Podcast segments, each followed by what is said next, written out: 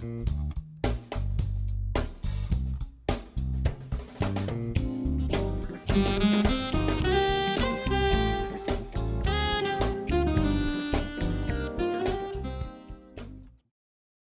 svima, moje ime je Tijana Velamirov, a vi slušate podcast Svet freelance. Današnja lekcija je lekcija broj 22, um, koja glasi disciplina je put do slobode.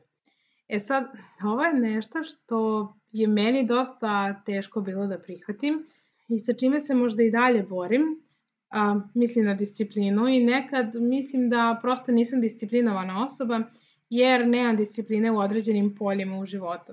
Hoću da vam kažem da je to isto ona priča kao nisam ambiciozna osoba jer nisam ambiciozna u poslu. E isto tako ja pokazujem disciplinu na nekim poljima, na nekim poljima ne.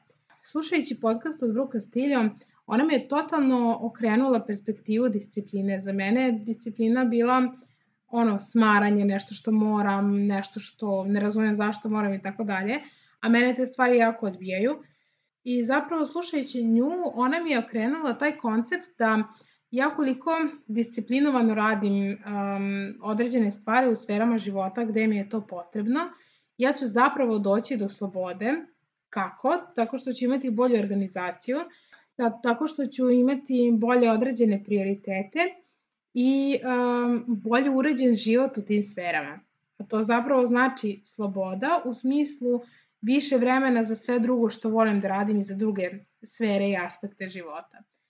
I meni ovo, što se kaže, ono oduvalo mozak i prosto nemam puno šta više da pričam na tu temu, to je samo jedan uvid koji sam smatrala da je jako bitno da podelim sa vama, pogotovo sa vama koji se ono, borite sa disciplinom i prkosite kao ja, da prosto probate da razmišljate, razmislite na taj način i ja uviđam onom benefite svakog dana pomalo od ovoga. Hoću da kažem da u skladu sa ovim ide i ona priča da dosta često mi ne moramo da radimo sve stvari koje mislimo, postoje stvari koje možemo da delegiramo i u poslu i u privatnom životu.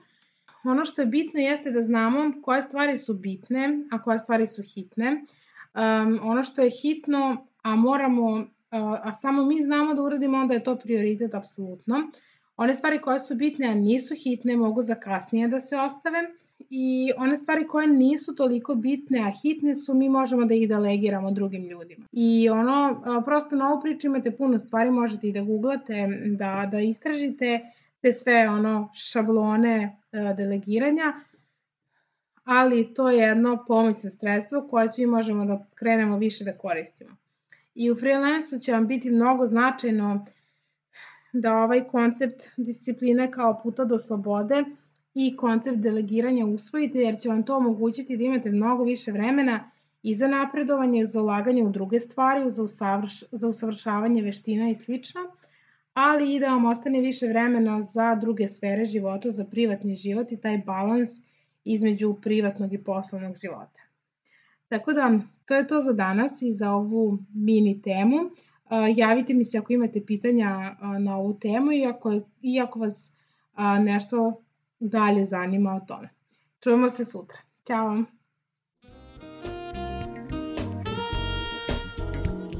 Prijeve za moj online program Postani freelancer traju do 8. decembra ove godine.